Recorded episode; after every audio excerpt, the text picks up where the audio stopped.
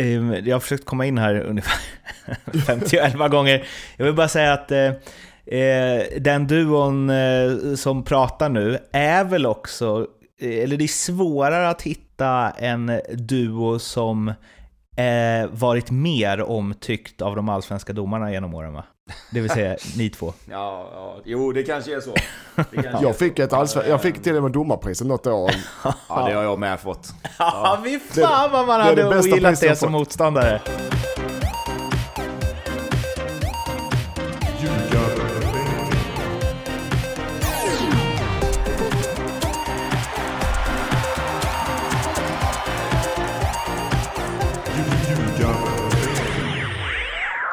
Det här är Ljugarbänkens podcast i samarbete med NordicBet och eh, jag har två kollegor här som eh, sitter och studsar. Jag vet inte, jag ser dem inte, men jag kan tänka mig eh, för att de så gärna vill prata om eh, gårdagen som ju innebar en 4-3-vinst för Tvååker mot Trollhättan i vad körschemat skvallrar om en makalös match. Lindström? Ja ja var det. Stora ord från någon Ja, som inte ja. slänger sig med stora ord. Makalös behöver inte alltid vara positiv eh, men eh, det var ju en... Eh, Ta oss igenom det, minut för minut. ja, för, för, nummer ett, vi åkte upp för Trollhättan för att vinna och det gjorde vi. Så den eh, kryssade vi av då, check. Eh, men sedan som matchen utvecklade sig och matchen var så var det en, en match som man som tränare inte vill ha.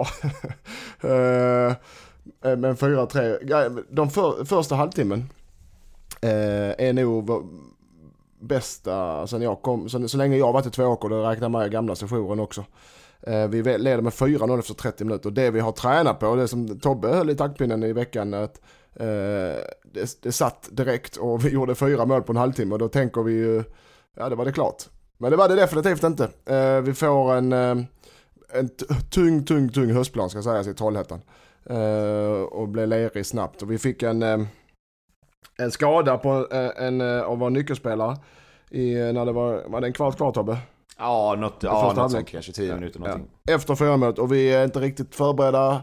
Eh, där vi, det tar lite tid innan vi får in en ny spelare. Eh, och de, där, på den tiden så hinner de vaska fram en straff och kvittera. Eller förlåt, och reducera till 4-1. En, en straff som inte i min vindaste fantasi jag kan säga att det ska vara straff.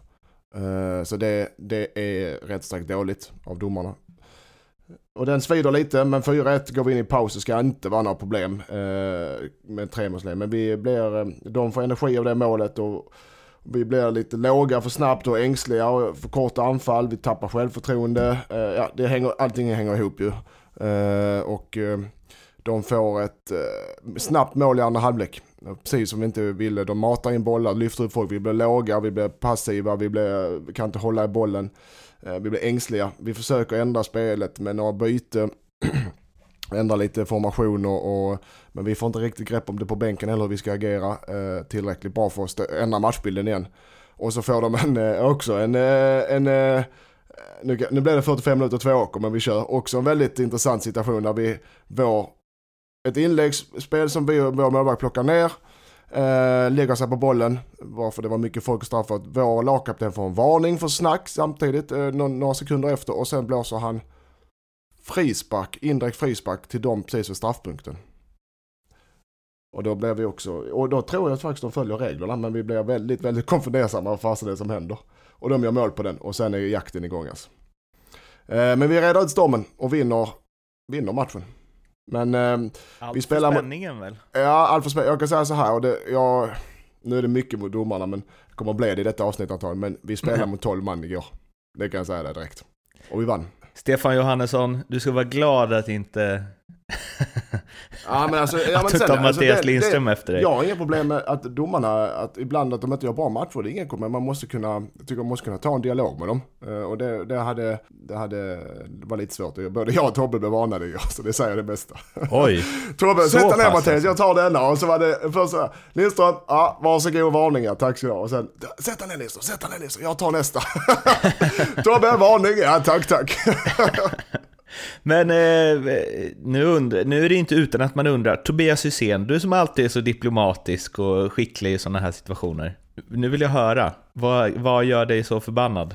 under en fotbollsmatch? Nej, alltså min varning kom egentligen eh, efter att en av deras spelare kom väldigt, väldigt sent in i en duell med en av våra. Eh, vi försöker ju... Så den var felaktig? Nej, felaktig. Jag, jag reagerade. Man är, ju, man är ju uppe i varv alltså. Det är liksom när matchen blir som den blir också. Precis som Lindström säger där. Man, man tror man är hemma och har liksom tagit den här matchen och bara... Matchplanen perfekt, inga problem. 4-0 efter en halvtimme, den har vi. Eh, så då blir man ju ännu mer frustrerad i, i slutet när, när det blir lite underliga, lite underliga domslut. Eh, kan man väl minst sagt säga. Så det var väl mer en spontan reaktion på en jävla ful eftersläng från deras kille. Och då tyckte han att jag reagerade lite för mycket. Eh, och det, det kanske jag gjorde. Men i och med att Lindström hade en varning så är det bättre att jag, att jag var uppe och skrek och gapade lite än att han gjorde det. Så att, det handlar om att... Dela på korten. Precis, det handlar om att, att delegera, delegera ansvar där lite. Så att, nej men det, det är kul. Man, man lever med och det var, ja, det, var, det var nog en jävla rolig match att titta på det tror jag. Ja, för fan. I slutet, bollen, och, det, alltså, och även Trollhättan-spelarna ska jag ha i sin för de, de fick energi och de, och de kämpade, de gav allt för att vända. Så de ska jag ha cred också, så får man inte glömma.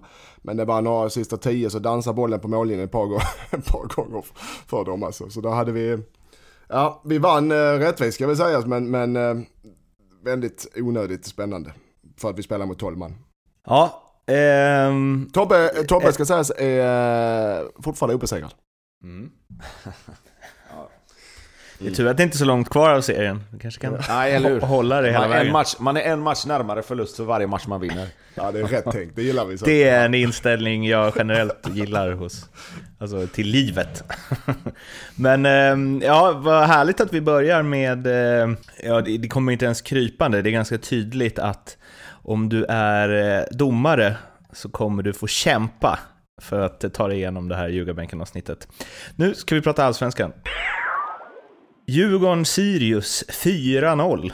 Hej och hå. Kalle Holmberg i gammal skytteliga-form och eh, Rydström gör dubbelbyte efter 25 minuter och Djurgården är något annat nu och eh, Sirius eh, jag vet inte, trycker de in sin svacka nu, sista fyra? I den här matchen så var det ju, det var ju redan från start tyckte jag att uh, Djurgården var steget bättre. Uh, de, hade, de var lite, lite kändes, ja, de kändes hela tiden, utan att skapa någon större grej, kändes hela tiden lite, lite bättre på allt. Och sen när, uh, sen när och det visade sig tydligt att Rydström gör ett dubbelbyte, vad har vi i minut, vad sa vi? Minut? 25 va? 25 där. Och det är väldigt ovanligt i fotboll, det kanske blir mer vanligt nu när det är fem byten att man gör det. Uh, för just för att en, försöka ändra matchbild och vända trenden. För det var märktes så tydligt att Djurgården hade initiativet och kommer vinna matchen om den fortsätter så här. Så Rydström körde väl en, eh, försökte, försökte ändra matchbilden men, men, eh, och det funkar väl stundtals men efter när Vecchia blir utvisad så är det ja, så, så, så bryter det sig ihop. Så det, då kollapsar de helt enkelt. Så att ja, just det här med att de, nu, det kommer ju bli ett race om Europaplatsen. Du har Hammarby 39, Djurgården 39, Elfsborg 40, Häcken 40, Norrköping 40. Sirius, Sirius 35, Sirius kommer inte orka hänga på där. De har Malmö, AIK, ja, nej de kommer inte orka hänga på där. Kan vi stanna lite vid vecka där? Alltså, är det verkligen gult kort? De springer Vilket väl... Vilket utav dem? Det andra. Det, ja, alltså, jag tycker det. Jag, jag, ja, jag tycker jag, nästan också det. Alltså, ja. det. Han kommer sent in. Ja. Han kommer med De springer ju ihop typ, eller? Ja, men Nej.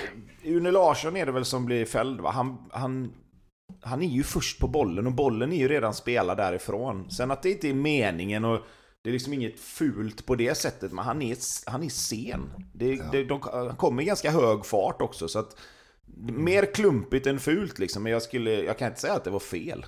Ja, det tycker inte jag. Jag, förstår, jag läste lite på Twitter och reaktion efter att många som inte tyckte det var varning, jag tycker det är varning. Också. Jag tycker också han kommer sent in och han träffar rätt, alltså, träffar smalbenet där, gör inte det också? Den är rätt... Uh... Ja, jag tycker ja, det är. Klumpig, alltså ja, klumpigt gjort mer än att det, det, det ja, liksom inget, inte med bild, inget fult så, men, men alltså jag, jag kan inte... Alltså jag hade kanske inte sagt någonting om det inte hade blivit varning, men jag tycker inte man kan säga att den är felaktig. Nej, inte jag heller. Ah, men hård för att ge ett rött, eller? Ja, men där har du också den. Men ska, eftersom man har ett guld, ska, varför ska han inte få ett... Ja. Det men det där vet ju både du och jag att... Jo, jag vet. Det andra gula krävs lite mer. Ja, men det här var gult. Det var gult. Alltså det jag tycker inte det... Jag tycker det är... Domaren har helt rätt där.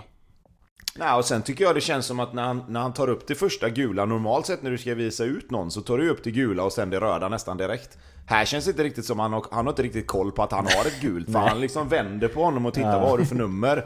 Och så kollar han i sin bok och så bara Jaha, det här jävlar, han hade ett gult den, ja ja. Eh, så att jag tror kanske du har lite rätt där Mårten, att hade han haft koll på det så är det inte säkert att det blir ett gult kort. Men, men det känns inte som att han har inte det och då tänker han väl att okej, okay, jag, får, jag får markera här, det där är inte okej okay, liksom. Bra ju att han inte har koll på det i det fallet, då tar han det som att det, som man borde ta ett gult. Eh, jag gillar för övrigt hur fort det gick över från domarkritik till bara direkt bara ah, nej, men det är bra. Domarna. Ja, ja, nej, men vi är sakliga. balans är det man eftersträvar. Eh, men Djurgården då, vad... Ehm, är det här så bra som Djurgården egentligen är eller eh, är de bara inne i en bra bra stim nu eller alltså det, det känns som att det varit svårt att få grepp om Djurgården den här säsongen. Alltså det, det som jag tycker Djurgården gör bra i den här matchen, det är att man kommer till avslut på ett helt annat sätt än vad man har gjort innan tycker jag. Eh, jag tycker de har i den här matchen ett, ett eh, lite mer direkt och lite mer beslutsamt anfallsspel. De, eh, i, i, takt med att de vinner boll på ganska bra ställen, Sirius ja, de, de, är ju Sirius liksom. Och i den här matchen så käkar Djurgården upp dem på mittplan.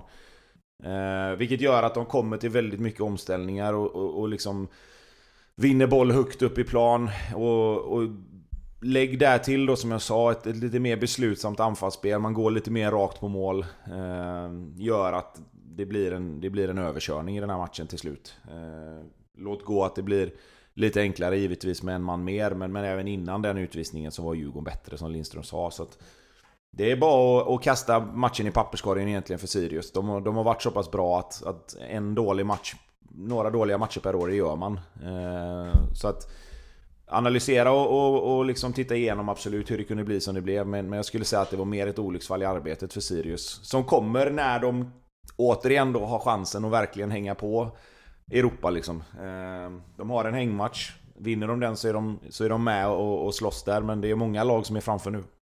Rydström-psyket viker ner sig. Häcken mot eh, Mjällby 2-2 eh, och eh, ja, det, det verkade som att Mjällby var ganska nöjda efter matchen. I fall om man lyssnade på eh, Jakob Bergström, heter han va? Eh, I intervjun efter. De tappade ju 2-0 ledning men eh, ändå, ändå starkt på förhand kanske kryss på hissingen så.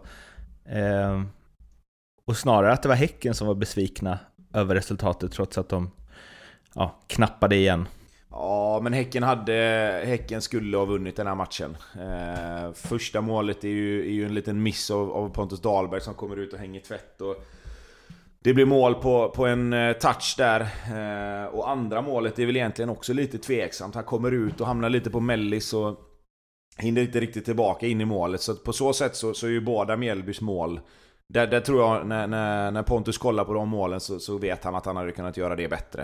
Eh, och Häcken har ju rätt mycket målchanser i den här matchen. Målisen i, i Mjällby, Eriksson, han gör ju några sjuka räddningar. Bland annat på ett skott från Nirandus där han är uppe i krysset och petar bort den nästan känns det som. Ehm, så jag tror att Mjällby kände att de, att de hade lite flyt med sina egna mål och att deras egen målvakt faktiskt både... Ja, sådär ja, prosit. Uh, deras ena... nu kommer jag mig helt här nu. Ja, förlåt. Deras jag hann sänka målvakt. micken, så själva min nysning hördes inte. Så om ni tycker att det är konstigt att Tobbe bara säger prosit rakt ut, så är det därför. men fortsätt. Ah, Okej, okay, ja, det var bara vi som hörde det. Ja, ja men då så. Eh, nej men som sagt, eh, Mjällbys målvakt, som sagt, han gör en kanonmatch. Så att eh, jag tror det är det de, de syftar till, att, att de känner att eh, Häcken var bättre och, och ja, mycket mer än så är det väl egentligen inte. Jag tycker det är lite slarvigt av Häcken.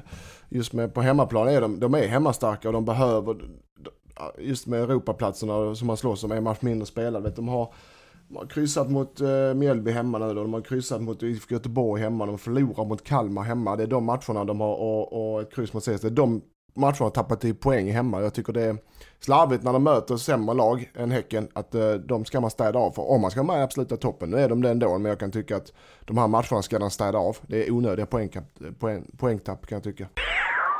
Nu har vi kommit till uh, Game of the Day, eller Game of the Week, Game of, game of the avsnitt. Uh, den matchen som omöjligt skulle kunna sluta kryss. Kalmar-Falkenberg. Hur slutade den Lindström? Ja, den slutade med kryss. Jag satt och kollade på den och eh, jag satt Ja verkligen, alltså, för, skitsamma vem som vinner till bara få in ett mål i slutet alltså. Men nej, det ville sig inte och jag blev lite, jag blev besviken eh, att, det är lurigt där som, som tränare hur man agerar, men jag blev besviken att det inte var lite mer forcering från bägge lagen jag, ska vara jag, jag hade inte sett det krysset komma. Eh, båda, bägge lagen behövde verkligen vinna och, och ett kryss hjälper, hjälper faktiskt inte så jäkla mycket. Så eh, att den skulle sluta 0-0, det, eh, nej som sagt, det skulle ska vara omöjligt. Jag blir besviken blir jag faktiskt. Jag blir besviken på att det är ingen som på dig själv har en riktig forceringsfas. För det är ingen lag som har en riktig forceringsfas, tycker inte jag då. Uh, det kanske de hade en i planen, men jag tycker det var inte en riktig forceringsfas av någon laget. Och det gjorde man lite besviken. Och jäkligt tråkigt att kolla på ska sägas också. Var det en av de sämre allsvenska matcher som spelats? märktes att, så, så, så ska man inte säga heller för att har, man, man bara tittar till den tekniska finessen och, och bollbehandlingen. Man kollar bara, oh vad dåligt det där ser ut. För det, det ser kanske mindre ut, mycket bollbyte och, och eh, nervösa spelare. Så det ser mindre bra ut. Men, men rent taktiskt och, och formationsmässigt och arbetsmässigt så man får inte glömma de här grejerna. Så att det är klart att det, det var ingen underhållande match, för mycket tekniska misstag. Men jag kan inte säga att det var alltså, det är svårt att säga att det är en dålig fotbollsmatch. Man vet ju vilken matchplan motståndarna har, man vet sin egen matchplan, så följer man det. Eh, sen när man har en dålig dag tekniskt, då får man det lite mycket nerver i det. Så att det var ingen bra fotbollsmatch, men jag, jag vill inte, jag vill inte eh, som gammal spelare där också, jag vill inte såga att det är superdålig fotbollsmatch, för, för man följer en matchplan också. Så att eh, det var ingen, en tekniskt dålig match, men en karaktärsmässigt och taktiskt, det är helt okej okay match tycker jag från bägge lagen. Förutom den sista tio. Tobbe? Men Tobbe fick in sitt kryss ju. Ja, eller hur? Ja, det var ju det var ju sån du vet, eh, när man bara vill säga emot sina föräldrar, kryss var det typ. Ja. Eh, men det, alla men kryss alltså, räknas. Ja, mm. alltså det, det, som, det som jag lite grann reagerar på det är ju att Kalmar är så extremt eh, bleka. Ja. Alltså man kan snacka om matchplaner hit och matchplaner dit liksom, men att på hemmaplan i en sån här match inte mäkta mer, mer anfallsspel än vad de gjorde, det är ju extremt underligt. Eh, om man så ska börja skjuta från 25-30 meter bara för att, för, att, för att någonting ska hända. Så att, eh, det ser ju tungt ut för de här två lagen. Det, det kan man ju konstatera. Det är inget utav lagen egentligen efter den här matchen som man ser förtjänar att vara kvar i Allsvenskan på det sättet. Sen är det ju till slut eh, så att de lagen som tar flest poäng blir ju kvar ändå, så de har ju fortfarande chansen. Men eh, det var ju inte mycket i den här matchen som talar för att något av de här lagen ska, ska vinna någon match här på, på, på slutet nu. Östersund-Hammarby. Hammarby stark seger borta mot eh, Östersund som ju varit eh, lite av, eller lite, mycket av eh, senaste tio omgångarnas lag. Ehm, Tim Söderström, mer mot världsklass än korpklass. Ehm, och Ludvigsson fortsätter göra mål. Kacaniklic är typ för första gången den här säsongen så bra som man tänkte att han skulle vara innan säsongen. Eh, och Bayern har ju vaknat sent de senaste säsongerna. Eller liksom de har varit bättre. Om de hade spelat som de spelade andra halvan hela året så hade de kanske varit ännu högre upp i tabellerna. Men nu blir det lite så här, ja, bra vinst, men vad kommer det hjälpa till? Alltså, ja, jag skulle inte säga så än heller. Alltså, nu är det ju, de har fem matcher kvar och det är klart att både Häcken och Djurgården har en match till godo på, på de andra lagen där uppe. Men nu är de ju, nu är de ju där uppe och, och nosar. Jag menar, de är ju som... De kan ju vara som mest fyra poäng från andra platsen och det med den formen de har. Och, och, och, lite grann det momentumet som de har börjat bygga upp nu med, med lite poäng och lite vinster så är det inte omöjligt att de tar några placeringar till. Eh, och skulle Hammarby ta en Europaplats efter det här året så har de ju gjort en, jätte, en jättebra höst och en, en ganska bra prestation andra halvan av serien, det får man ju ändå säga. Men du har ju, alltså du har ju, just när de har sina spelare friska, de har eh, ännu en gång en, en bra och Söderström har hittat rätt och Cher ser spännande ut och Kaklanicic är frisk. Då är han bra. När han är i full träning och får kontinuerlig träning och får speltid, då vet vi att han är beredd för det är han bra. Men det är just att han, har, han är för hackig i sin skadehistorik, han är för hackig i sitt, sin speltid och i träningstid och då, då, det är då det blir tufft för honom som alla andra spelar. Men när han är frisk och, och pigg och glad så är han ruskig. Nu saknar han Bojanic men det, det gick bra. Så, så har du Ludvigsson som har hittat lite slipat till sitt spel. Han drar ju och han sliter i allt som rör sig och drar, eh, sliter sönder backlinjen med sina löpningar som är så viktigt. Men jag tycker han blir bättre i sitt spel också nu de senaste matcherna. Han, han tappar inte lika mycket boll, han är inte lika slarvig, han är mer noggrann, han kommer mer, mer, mer in i boxen. Så att eh, de, eh, Hammarby kan göra en uh, great escape där i, i slutet här nu och ta Europaplatsen. Sen det som, är, det som är med Ludvigsson, och det ser man på första målet, det är sådana mål man får när man sliter och springer så mycket som han gör. Han är mm. först på nästan alla returer. Och denna, detta skottet egentligen, det ska inte ens vara någon retur, men han är där, han är mm. först och han, han ser till att, att, att hamna i situationer. Det är många, många situationer och en del mål och även målchanser som han är inblandad i som, som han får för att han springer, han springer färdigt situationerna liksom. Han stannar inte och tittar var bollen tar vägen utan han chansar på att okej, okay, här kommer det bli en retur, här kommer bollen rinna igenom och är jag på rätt ställe så, så kommer jag göra mål. Och det, många gånger så kommer den aldrig, men när, när, den väl, när bollen väl dyker upp så är han alltid där. Eh, vilket är en jävla bra egenskap att ha som spelare, framförallt när du är forward, att alltid lita på att bollen kommer hamna hos mig. En intressant grej kring Bayern också, om man eh, Ja men om man bara gillar att titta på allsvensk fotboll, som vi får förmoda att en och annan lyssnare av den här podden eh, gör, så är det ju att deras matcher som är kvar, de har Varberg borta och Örebro borta, men så har de ju Häcken hemma, Malmö hemma, Norrköping hemma. Det är liksom bra läge att ha prickat in formen. Men ja, absolut. Men sen eh, när vi sitter, så har vi suttit hela året. Jag sitter själv så och tittar men, och på spelskärmen, och säger det själv. ju nästan vända på det. Men eh, och så är det det här coronaåret. Där alla slår alla och det har inte hemmapublikens stöd. Och du har inte, vi satt och diskuterade en del i bussen igår hem från Trollhättan. Just med det här med att du har inte den pressen på dig som spelar. Det händer, det blir inga konsekvenser när du slår en felpass eller du, du, du jagar en, du har en forceringsfas sista tio där du ska vinna, vinna, vinna. Du har inte samma...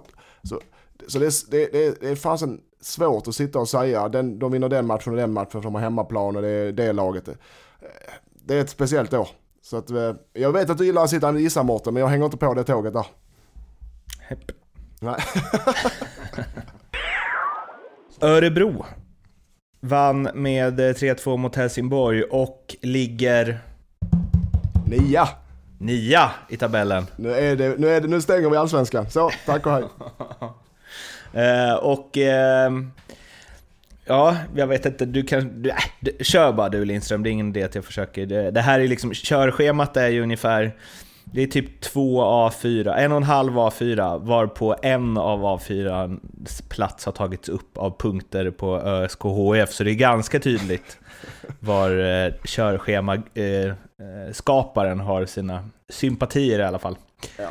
Nej men, nej, men jag Uh, nej men jag tycker för det första måste man vara nykter och säga att det var rättvist. Uh, ÖSK chockade med, med en uh, tvåmålsledning efter en halvtimme, 25 minuter och HIF spelar upp sig efter det. Men uh, jag tycker Östersund vinner rättvist. Uh, förlåt, Örebro vinner rättvist. Uh, Besara är, är, är Besara är bra alltså. Han har varit bra hela tiden men han, han, är, han är bra. Uh, upp i 11 mål nu så har du deras varvningar de har gjort i, nu i, i fönstret här i Karjalänen och Hymmets är ju en, en enorm injektion offensiv för Örebro. Så att de, de är starka just nu och det är ett formstarkt lag framförallt hemma. Så med den uppställningen ställ, ställ, ställer så har de sina offensiva krafter på ett helt annat sätt. Så att Örebro tycker jag imponerar på det sättet. Uh, I HIs fall så är det ännu en match där det är skadekris. Jag vet inte, och det, är det lite också så att HIF och Mellberg, de har inte kunnat ställa samma elva. Jag tror, nu skjuter jag lite från höften här. Jag tror inte fasen inte de har ställt samma elva på hela säsongen. Och det, det är inte lätt eh, för varken spelare eller tränare. Du har en ny spelare bredvid dig, du har en ny målvakt, du har en ny mittback, du har en ny anfallare. Hela tiden får jobba om, jobba om och så ändrar man lite spelsystem lite för mycket då och då. Kanske då blir du ännu mer spelare som känner fan alltså. Man måste ha en trygghet och eh, ett, ett, ett, en, en, ett nav som, som spelartrupp. Och det, med alla skadekriser HIF har så har de inte det. Eh, jag tycker att eh, jag tycker att de ändå är de har karaktären HIF ska jag säga, så att, och det är väl det som är deras räddning just nu. Eh, de har eh, Gero var borta av familjeskäl, du har eh, på bänken så var där eh, juniorspelare. Noel Mbo som jag hade i Eskil där var den enda seniorspelaren, sen var det bara juniorspelare. Eh, så att, eh, ja nej de, eh, de, de sliter enormt. Det som är positivt i detta fallet är att de andra lagen under, Falkenberg och Kalmar som vi pratar om, där finns ju ingenting som tyder på att de ska vinna någon match på resten av året. Det HF behöver göra, nu pratar jag, vinn finalerna, vinn matcherna och det finalerna är då, de har Göteborg på Olympia och sedan eh, några veckor senare kommer Falkenberg också på Olympia. De två matcherna ska vinnas, men det fan är det, det sista HF gör, för det räcker. Vinner de två så räcker det. Då slipper de allt annat. Vinn de två matcherna så är det färdigt. Eh, så att eh, se till så och, och se, få spelare friska och satsa allt på, på, på att ta eh, sex poäng till för det räcker mot rätt lag.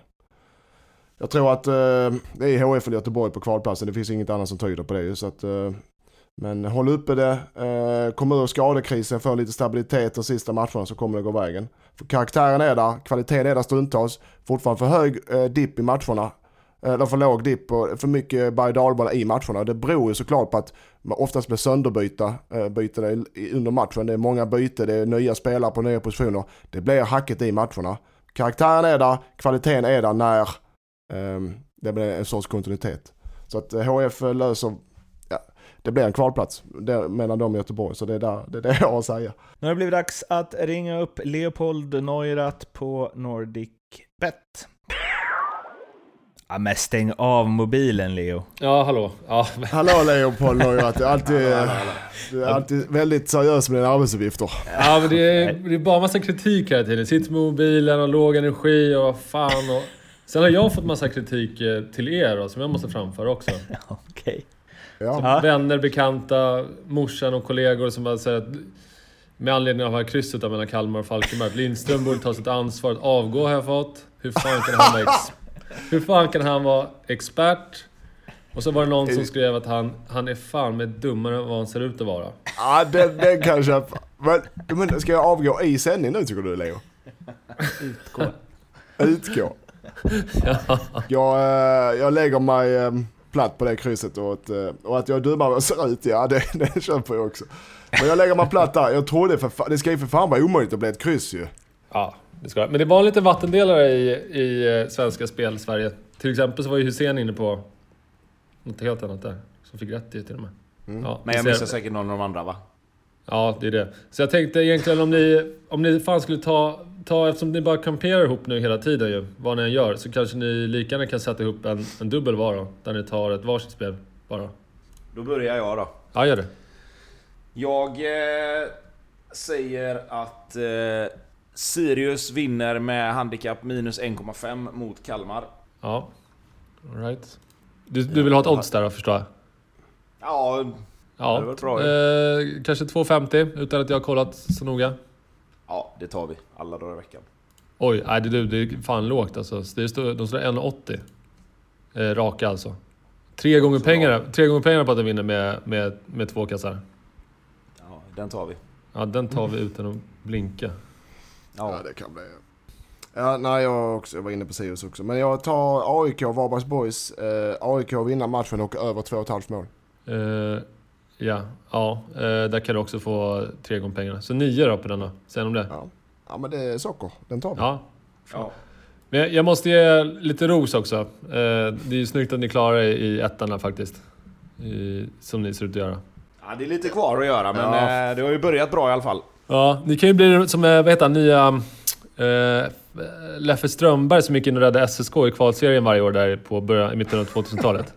Som bara kliver in och, och, tar över när det börjar kärva. Ja, Sam Allardyce och Harry Redknapp har gjort något liknande med va? Borta i... Ja, exakt. Kanske ja. kan bli en nisch då. Eh, så har jag satt upp odds förresten på eh, assistligan. Ni kan mm. diskutera i små grupper mm. eh, vem som ska vara favorit där och, mm. Och odds och sådär. Så kan jag komma med facit. Haksabanovic kommer att vinna den. Vad får jag för det? 2,20. Eh, Men du vet att han bara gjort en assist typ senaste 15 matcherna? Ja. Men han... han bara så vi har rätt här, så jag har rätt statistik. Han gjorde två i matchen nu. Han leder assistligan på, med två... Du sa två gånger pengarna eller? 2,40? 2,20? Ja, sa du? 220, 220. Nej, han ligger han leder delad med... assistligan med två mål redan. Nej, nej, nej, nej. Det gör han inte. Nähä. Jag du- detta. Ja, delad igen. Men jag tar Haksabanovic 2,20 och vinna. Ja, alright. Bra. Kasaniklis och Ludvigsson, är det någonting för... Är det dina gubbar Hysén eller?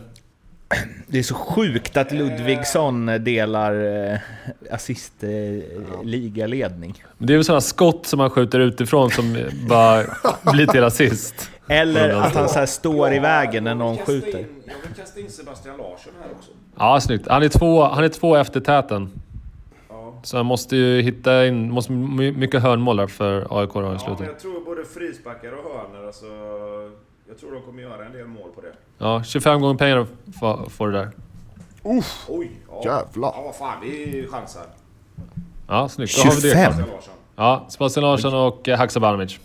Vad är det på Bergman Johannesson då? Eh, då- Det är 25. Det är 25 nummer. Mm. Men han ligger också två bakom va? Mm. Vem är favorit? Det är Haksabanovic 2,20, Kasaniklic 2,40 och Ludvigsson 3,50. Okej. Jag vet inte om Kasaniklic kommer spela den matchen. Han har bara spelat 18 och 25. Ja, han är ju skadebenägen, det är det som... Ja, det är ju det. Men han var jävligt bra sist alltså. Mm. Nåväl. Okej då. Mm. Vi säger så hörni. Ja, det vi gör vi. Tack för Ja. peppen idag, det var skittrevligt. Ha det gött. Ja, det är bra. Hej, hej. Hej, hej, hej. Det var alltså Leo på NordicBet. Kom ihåg att spela ansvarsfullt och att du måste vara minst 18 år för att spela. Behöver du stöd eller hjälp så finns stödlinjen.se. MFF IFK Göteborg 3-1 till eh, Malmö och eh, ja, ingen är väl förvånad. Nej, det var väl inte eh, mycket som tydde på att, att eh, Blåvitt skulle få med sig några poäng där nerifrån. Eh, tycker de gör en ganska okej match sett utifrån förutsättningarna.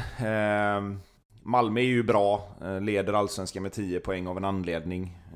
De har ju bra spelare på alla positioner och kan dessutom sätta in spelare som, som kan göra skillnad. Eh, det som jag blir irriterad på är att Blåvitt gör mycket enkelt jävligt dåligt. Eh, enkla passningar som, som kan skapa omställningar, enkla passningar som kan eh, sätta upp inläggslägen och, och avslutslägen spelas bort för att man man, det, det är för dåligt, eh, jag ska inte säga att det är för dåligt fokus eller för dålig koncentration, men det, man gör de enkla sakerna ganska dåligt, tycker jag. Eh, sen är det mycket som, sen är, det mycket som, är, som är helt okej. Alltså jag tycker man hittar, eh, man hittar omställningslägen där det finns chans att, att, att straffa Malmö. Malmö blir lite naiva i, stundtals i, i, sitt, i sin speluppbyggnad och, och Blåvitt kan Framförallt när man vinner duellerna nere i eget straffområde Ställa om på Malmö ganska ordentligt men, men som sagt det, det är för mycket som är Det är för mycket av det enkla som, som inte stämmer just nu för, för Blåvitt och, och då blir det svårt att vinna matcher eh, Det individuella försvarsspelet i vissa situationer är under all kritik eh, att, att ge bort en straff efter efter två minuter, en och en halv minut, det, det, liksom, det håller inte. Du kan inte... Och det, det är inte första gången. Det, det händer saker i varje match eh, som gör att man liksom bara, men hur kan det fortsätta hända? Eh, och, och sen har de lite oflyt med sista målet, men återigen, det är liksom eh, det, det individuella försvarsspelet i, i, i uppbyggnaden till det målet, upprinnelsen till målet, liksom man hoppar in inne i straffområdet och hoppar med ryggen mot och bara liksom skita fullständigt i vad som händer utan blir bortgjord i det läget så enkelt. Det, det, liksom, det håller inte på, på den här nivån. Så att eh, jag tror att Rolle var... Han var nog... Han var nog okej nöjd med hur det såg ut stundtals i, i spelet men, men eh, i de matchavgörande situationerna så, så, är det för, så är det för dålig kvalitet fortfarande tyvärr. Jag tycker ändå de, de eh, Göteborg ställer ändå upp ganska ofta. Alltså de har Sanna och Karasvili där och Lagermyr och, och Paka där och Varmblom som offensiva motorer. Och då har de ändå Söder slänger in och, och Aesh. Så att de, de, jag tycker det ska finnas krafter de sista matcherna för dem och med en bättre offensiv än de har haft innan. Spelarna finns där om de hittar en, en 4 plus eh, 2 centrallinje som är stabila. Ja, ja, nej jag håller med dig. Alltså, jag, ser, jag, jag tycker egentligen att uppställningen är egentligen inget fel på. Ehm, man, man säkrar upp lite grann med, med Alhassan Yusuf och, och August Erlingmark. Eh, och de, de har liksom inte så mycket annat att, och spela bakåt. Man, man hade kunnat välja att spela Emil Holm då kanske istället för någon av ytterbackarna. Och sen, och sen ja, Jallow till vänster och Holm till höger. Eller, eller Kelly och, och, och Jallow som man spelar nu. Där finns inte så mycket alternativ nu egentligen när, när Bjärsmyr är, är borta. Eh, så att jag, jag säger ingenting om själva uppställningen, utan jag, det, det, som jag, det som irriterar mig det är att när man kommer i de här Alltså bra farliga lägena eh, Så är det för, det är för dålig kvalitet i, i den näst sista passen oftast. Eller, eller till och med den sista ibland. Där man ska när, när man ska gå från att ställa om till att skapa en målchans. Där, där är det för många passningar som försvinner. Spela bakom, spela för långt fram, spela på fel fot visar för tydligt vart man ska och, och därmed så läser Malmö-spelarna mm, liksom av det och bara kliver in och bryter. Så att... Eh, det, nej, det var... Som sagt, kan man snäppa upp det lite så tycker jag ändå det såg bättre ut i den här matchen än vad gjort lite innan då. Men, eh, men det måste upp lite grann. Eh, och det är enkla saker och, och bara liksom se till att sätta bredsidan på, på den spelaren. Alltså blå spelar blå på något sätt. Inte i den här matchen då men... men, eh, men alltså...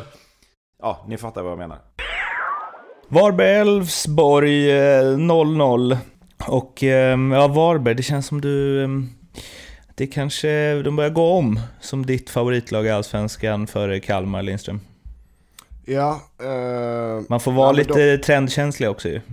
Ja exakt, ja ja för fan. Vi, vi vänder kappen efter vinden här i, i podden. Nej men jag, jag tror Varberg på 28 poäng nu, då Göteborg på 24 och HF på 22. Eh, vi har sagt att Varberg behöver väl någon poäng till. En seger till räcker definitivt. Eh, för, men nu fick de en poäng eh, och den, den kommer de långt med. Eh, så som det ser ut för tillfället i matcherna. De behöver eh, nog en seger till så det är klart. Tycker jag då. Men de, de visar, de kämpar och sliter enormt på en tung plan här alltså. Jag tycker de har pratat mycket om marginalen, varit emot dem innan och varit otur. Det, det, det, kan jag hålla med om. Här hade de lite marginaler med sig denna matchen mot Elfsborg. Jag tyckte Elfsborg var bättre och förtjänade att vinna. Men, men, men Borå, eller vad säger jag?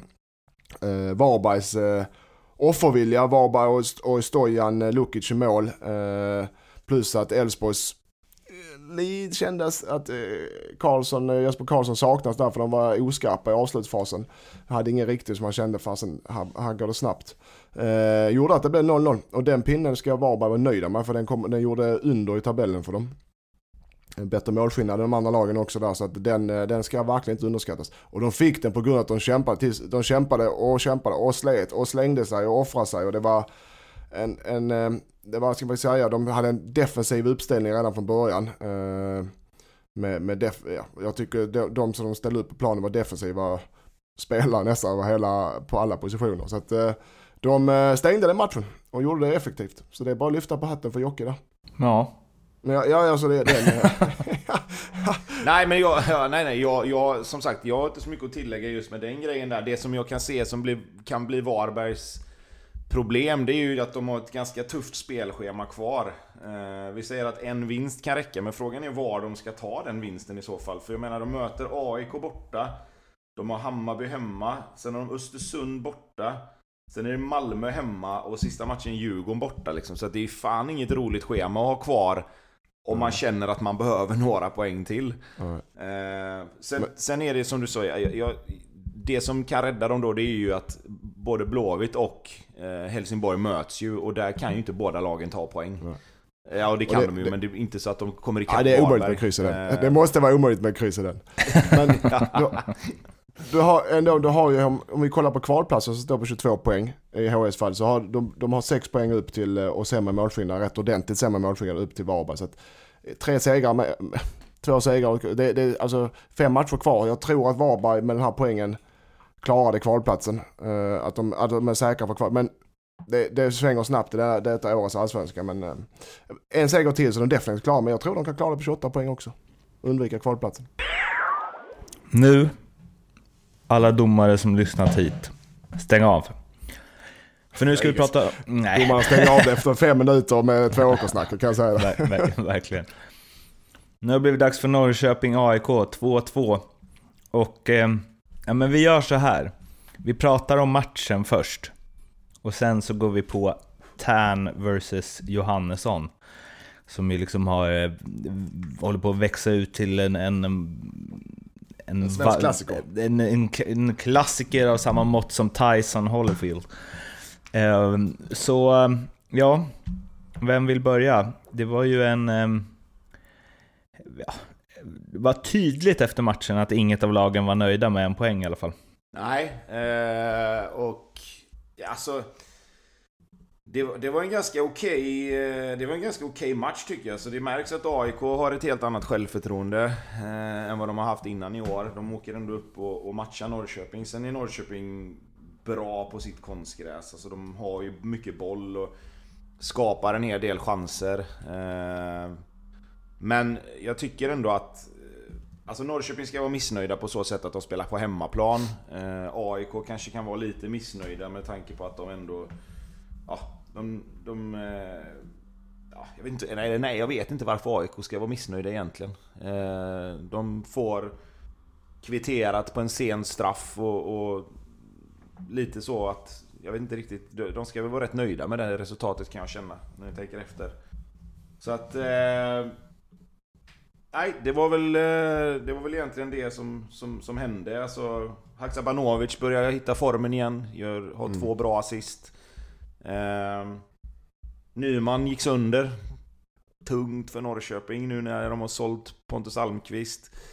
Eh, Hallenius har ju inte eh, synts till överhuvudtaget. Eh, han har varit skadad och när han har spelat så har det inte varit någon jättehit heller. Eh, så den är ju den är tung. Där kommer de att få kasta om lite. Vi får se vad det betyder för, för slutspurten här nu. Men eh, det verkade väl som att det var en, en bristning i Ljungsk-trakterna. Eh, har, de, har de lite flyt där så kanske det bara är någon sträckning. Men annars är ju han med allra största sannolikhet borta resten här nu. Det ska sägas med Haksabanovic som då har haft en mixad säsong och haft en tung säsong kanske man kommer att sammanfatta det i slutändan. Men han leder han kommer vinna eh, assistligan och då det är styrkebesked i sig att man gör det fast man haft en sämre period. Han är väl den spelare som gjort flest poäng i fantasy också tror jag. Vilket, säger, vilket säger ganska mycket om hans start på säsongen. Ja, ja, Med tanke exakt. på att han hade massa matcher då han knappt spelade där. Eh, men det stora i den här matchen är ju förstås eh, Efterspelet där, eh, ja, vi kan dra det lite kort. Simon Tern var inte så nöjd. Han sa bland annat eh, jag ser egentligen två alternativ. Antingen hyr man in internationella domare som håller en högre nivå eller så införskaffar man VAR.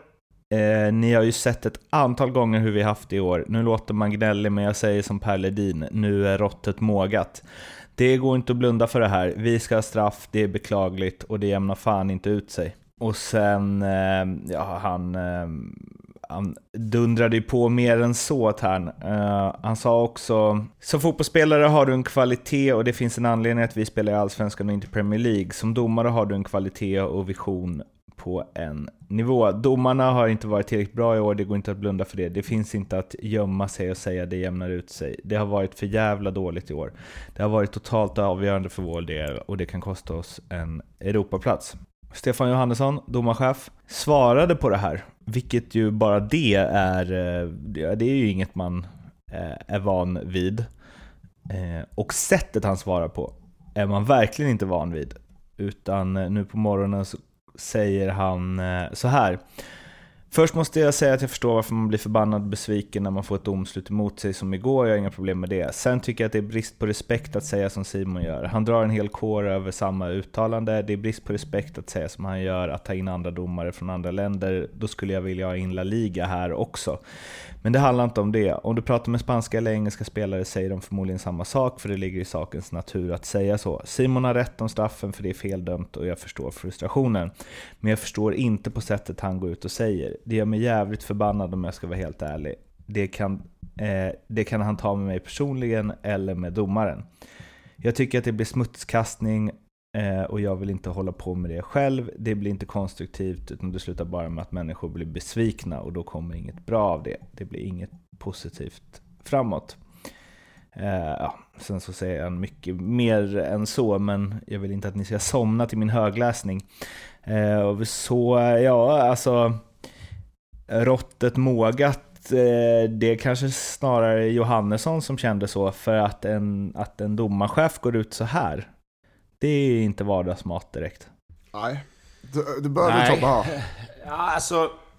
Det, det, det är ju en jävligt delikat situation liksom. För att det är klart att spelar man i IFK Norrköping och, och, och liksom radar upp alla de här situationerna som de då känner har gått emot dem. Som faktiskt då om man tittar och, och, och sammanställer allting, det är ju rätt mycket som, som har gått emot Norrköping. Eh, men att det skulle på något sätt vara att det på något sätt skulle vara något, något systematiskt som domarna gör för att det är just Norrköping, det köper ju inte jag överhuvudtaget. Och det tror inte jag att de tycker heller. Utan det som, det som är är att de har en säsong där, där de har varit inblandade i en jävla massa situationer som, som där det har blivit fel, fel dumt liksom. Eh, och det är klart att det skapar en jävla frustration och när, du väl, när det där väl börjar komma in i huvudet på spelarna och, och alla runt omkring så är det klart att då går det ju att hitta sådana situationer i varenda match. Alltså du kan hitta tveksamma domslut och, och tveksamma situationer i varenda match. Där du kan hänvisa till att ja ah, men kolla här, här är en situation till. Eh, och det är klart att det, det blir ju bara en, en... Alltså det bygger ju bara på frustrationen hos, hos deras spelare såklart. Och jag, jag fattar det, för vi har haft säsonger eller man liksom när man har spelat där man har känt likadant själv. Men jag tror att det är jävligt fel väg att gå och, och börja fokusera för mycket på det också för att det kommer liksom inte Alltså det kommer inte bli enklare för Norrköping att, att liksom få, om man säger, inte få domarna med sig för att domaren ska ju vara neutral men men det är klart att domarna är bara människor också Och det är ju lite som med de här spelarna som springer runt och gnäller en massa eller spelare som spelar fult att Domarna har ju koll på, på vad som sägs och vad som görs och De kommer ju liksom omedvetet ha med sig att Norrköping bara gnäller på domarna. De har sågat oss utan och innan liksom. Eh, det, det blir en, en jävligt... De sätter domarna i en svår situation med, med att hålla på så här samtidigt. Sen fattar jag, som, som, som spelare fattar jag frustrationen som de måste känna. Men jag tycker ändå det är fel väg att gå. För nu, nu har de gjort det, nu har de gjort det en gång redan. Det har ju varit uppe på tapeten innan och nu tar man upp det igen. Och nu börjar det bli så här liksom att för, gör man det en gång så kan man liksom okej, nu har vi nämnt det, nu, nu, nu får liksom nu får man göra vad man vill med den, med, med det uttalandet. Men nu när de tar upp det igen Så tycker jag att det blir en gång för mycket. Eh, och, och då Då vet du fan vad jag, då, då tycker jag det är fel alltså. Eh, jag har tänkt på att eh, när lag man håller på eh, gnäller på domarna, då blir jag alltid orolig för att det är fel fokus om man gör det tillräckligt många gånger. Framför allt när tränaren gör det. För att då tänker jag att man lite som spelare kan så här okej, Okej, vi är lite ursäktade här för vår prestation för tränaren tycker att domaren var dålig. Och att det blir mer okej för en spelare att göra som Simon Tern gör om Jens Gustafsson har gjort det innan. Jag tänker att det är så att även om det stämmer så är det dåligt tecken rakt igenom. Ja, alltså jag, jag, tror, jag tror att det som... Det, det kan ju vara tvärtom också lite grann att det kan ju vara att, att alla i Norrköping känner liksom att nu får det fan räcka liksom. Nu måste vi sätta lite fokus på det här så att, så att vi sätter lite press på domarna. Eh, och det är där jag lite grann inte riktigt vet om, om det är rätt väg att gå. För att det, det, blir en, det blir en situation... Alltså oavsett vad som händer nu i nästa match så kommer det ju bli att får Norrköping ett tveksamt domslut med sig så kommer det vara, då kommer det heta att ah, nu har de satt press på domarna med sitt jävla gnäll, nu kommer Norrköping aldrig liksom... Det är bara därför. Och skulle de få en tveksam domslut emot sig så får de bara vatten på sin kvarn att ah, nu är domarna emot oss bara för vi gnäller på dem och de kan inte hantera det. Så att jag, jag tycker det blir, det blir en, jävligt, en jävligt svår situation för både för domarna och, och framförallt för Norrköping. Men framförallt liksom att det, det får räcka nu liksom. Alltså det är fem omgångar kvar. Det, saker händer. Visst, ni har haft mer emot er i år än kanske något annat lag. Något annat år är det något annat lag som har mer emot sig. Och då är det de som kommer vara missnöjda. Det kommer vara så. Ja, det ska sägas att i år så, det, det är ju väldigt, jag tycker detta och det, det, jag är nog inte ensam om det, det är lite, det är skiftande, precis som det domarna, han har rätt att det är, Johannesson, att det är skiftande kvalitet på spelare och, och allsvenskan i år, det är väldigt upp och ner i år. Eh, så är det eh, även så mot domare och det måste vi kunna vara man måste man kunna vara ärlig och säga också. Du har ju ett gäng domare där med Pandic och Ekberg och Hakim eh, och Strömbergsson och Nyberg och Karlsson. De är rutinerade, stabila domare som, som varit med länge och har erfarenhet och åldern inne. Och du, har ett gäng, du har ett gäng nya domare som kommer. Det är generationsväxling dit och du har ju Klitto, och Granit och vad har du Melin och Wolf. De har, de har inte gjort många allsvenska matcher dessa. Eh, sju, åtta per, per domare alltså. Så det, och det är, det är en generationsväxling i domarkåren tycker jag det ser ut som. Och det, det är klart orutin och, och erfarenhet och även ålder så det spelar in i de här, eh, i de här diskussionerna tycker jag. För att det blir... Och, eh, ja. En annan grej, man kan ju säga så här att eh, Ja men att man ska ta saker utanför media då. Och att jag tycker domare ska kunna tåla kritik, verkligen. Eh, varför ska ja, de inte göra det? Och, men man kanske inte ska dundra ut det i, på det sättet eh, i media. Samtidigt som om man gör det, eh, då tycker jag också att så här, för spelarna som gör det säger oftast att eh, ja, men domarna, domarna måste också kunna ta kritik utåt och bla bla bla. bla. Och eh, med risk för att trampa på tidigare eh, före för detta spelartår här, men det finns ju inget eh, det finns ju inget mer lättkränkt än allsvenska fotbollsspelare som får kritik utåt. Alltså jag menar, de får det, alltså alla skulle jag säga, de flesta bryr sig om när journalister kritiserar dem, även om man försöker så vifta bort det för att det inte är kul när det står att man är dålig i tidningen. Men om om, om en domare eller typ en annan tränare eller en annan spelare hade kört samma ride som Tern gjorde mot domarna, mot typ hela Kalmar FF. Alltså, herregud, vilket liv det hade blivit.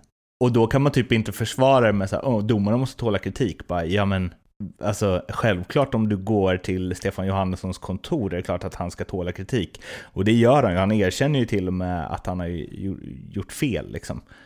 Men, eh, ja, jag vet inte. Det blir lite glas i stenhus alltså. Glas i stenhus? ja, det är värre än sten i glashus. nu är det din tur att ha ordspråken där. Eller? Ja. Jag tycker att det är så här, domare ska alltid tåla kritik, sägs ofta av spelare som är bland liksom, den sämsta yrkesgruppen på att tåla kritik. Ja, nej, nej, men alltså det var inte det vi reagerade på, det var att du sa fel eh, talspråk. Språk, fel talspråk. Men, men ordspråk, ordspråk. Eller? nej, det börjar bli trött. Men Nej men jag, alltså, det, alltså, jag tycker som spelare att du kunde säga efter match att jag tyckte domaren var dålig idag. Han gör sitt bästa man var dålig. Det är inte så jäkla, som jag sa nu som tränare, det är inte så jäkla konstigt. Men, men Tans, när du går ut och sågar den här jäkla domaren rakt av, det är lite skillnad. Uh, men grejen är så här att, ja, spelare kanske är känsliga, det är mycket möjligt. jag, tycker, jag uppfattar inte domaren som känsliga så att, uh, vad var frågan Mårten? Nej men just att så här, spelare säger ofta, domare ska kunna tåla kritik. Eh, och då känner jag ofta så här, ja ni ska kunna tåla kritik. Ja, absolut. Utan ja, ja, att bli ja, ja, gnälliga. Ja, det är klart. Ja, det är klart. Ja, alltså, om man är med i lek får man leka Om Stefan Johannesson hade gått ut och sagt, alltså Norrköping, fy fan vad de har underpresterat. Otroligt, hur kan de vara så, alltså, nu är ju äh, inte det hans jobb förstås, men om det är liksom någon som hade betytt mycket för spelarna om någon hade sagt det. Alltså om, så här, om Bartos hade sågat Norrköping, Alltså, gud vad deras spelare hade gnällt på det efteråt.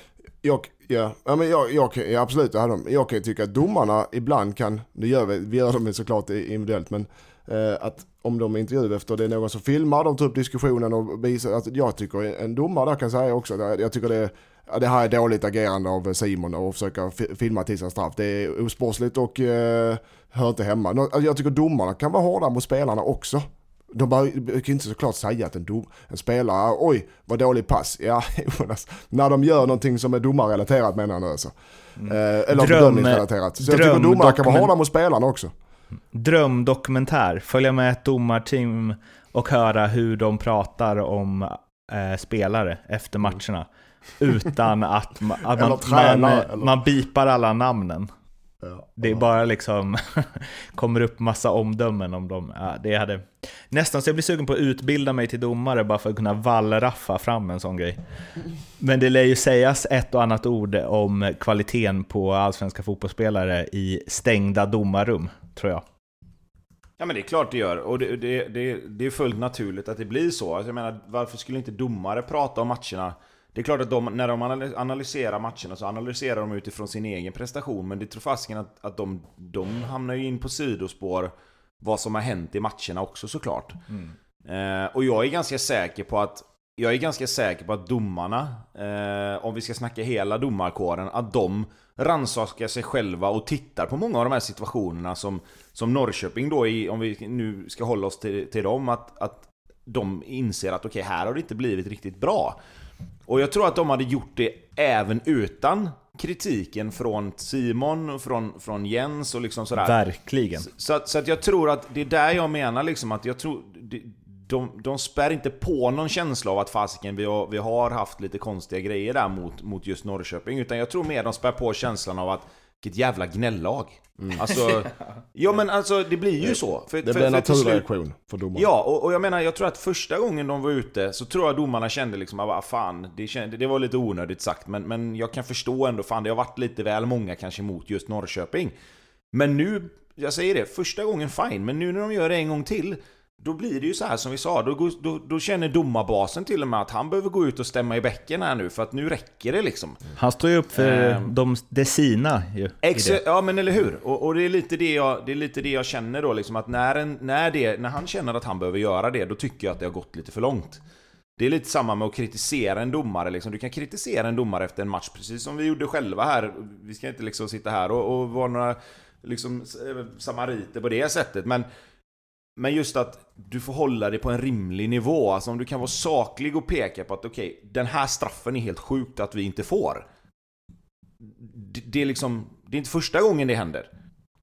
Och sen, fine. Du har ju redan varit ute och påpekat allt det andra. Det blir, för mig blir det lite kaka på kaka och jag tycker inte det, jag tycker inte det känns bra. Sen så, jag, jag måste bara... Ja. Jag vill också tillägga en snabb, snabb just med domarna, att det ska sägas att, eh, och ni var inne på det med, medan sitter och analyserar, de domarna som kommer upp på elitnivå i Sverige, då pratar vi allsvenskan superettan. Det, det är ett nålsöga att komma upp där, det är jättehård konkurrens, det är tuff utbildning, det, det, krävs, det krävs bra domar för det, det krävs seriösa domar. De här domarna vi pratar om, vi sitter och pratar om superettan och allsvenska domar, de jobbar stenhårt för detta. De analyserar, de pratar, de hjälper varandra, de går alltså det här är inga det är ingen som lämnas åt slumpen här. Så jag är övertygad, precis som du sa, att de sitter såklart och analyserar allting gång på gång på gång och pratar och tar upp det på träffar. Så att ingenting lämnas åt slumpen. Så det är inte så att de missar några situationer i matcherna och går igenom dem och pratar om dem. Är... Sen, en, en snabb grej bara. Sen säger ju Stefan Johannesson också en ganska sund grej. Att han säger ju att jag tror ju att spelarna i engelska ligan och spanska ligan, italienska ligan säger exakt samma sak om sina egna domare. Det finns ju liksom, det vet man ju, det, det, läser man ju varje vecka om situationer i Premier League där de är ute och sågar domare till höger och vänster och det...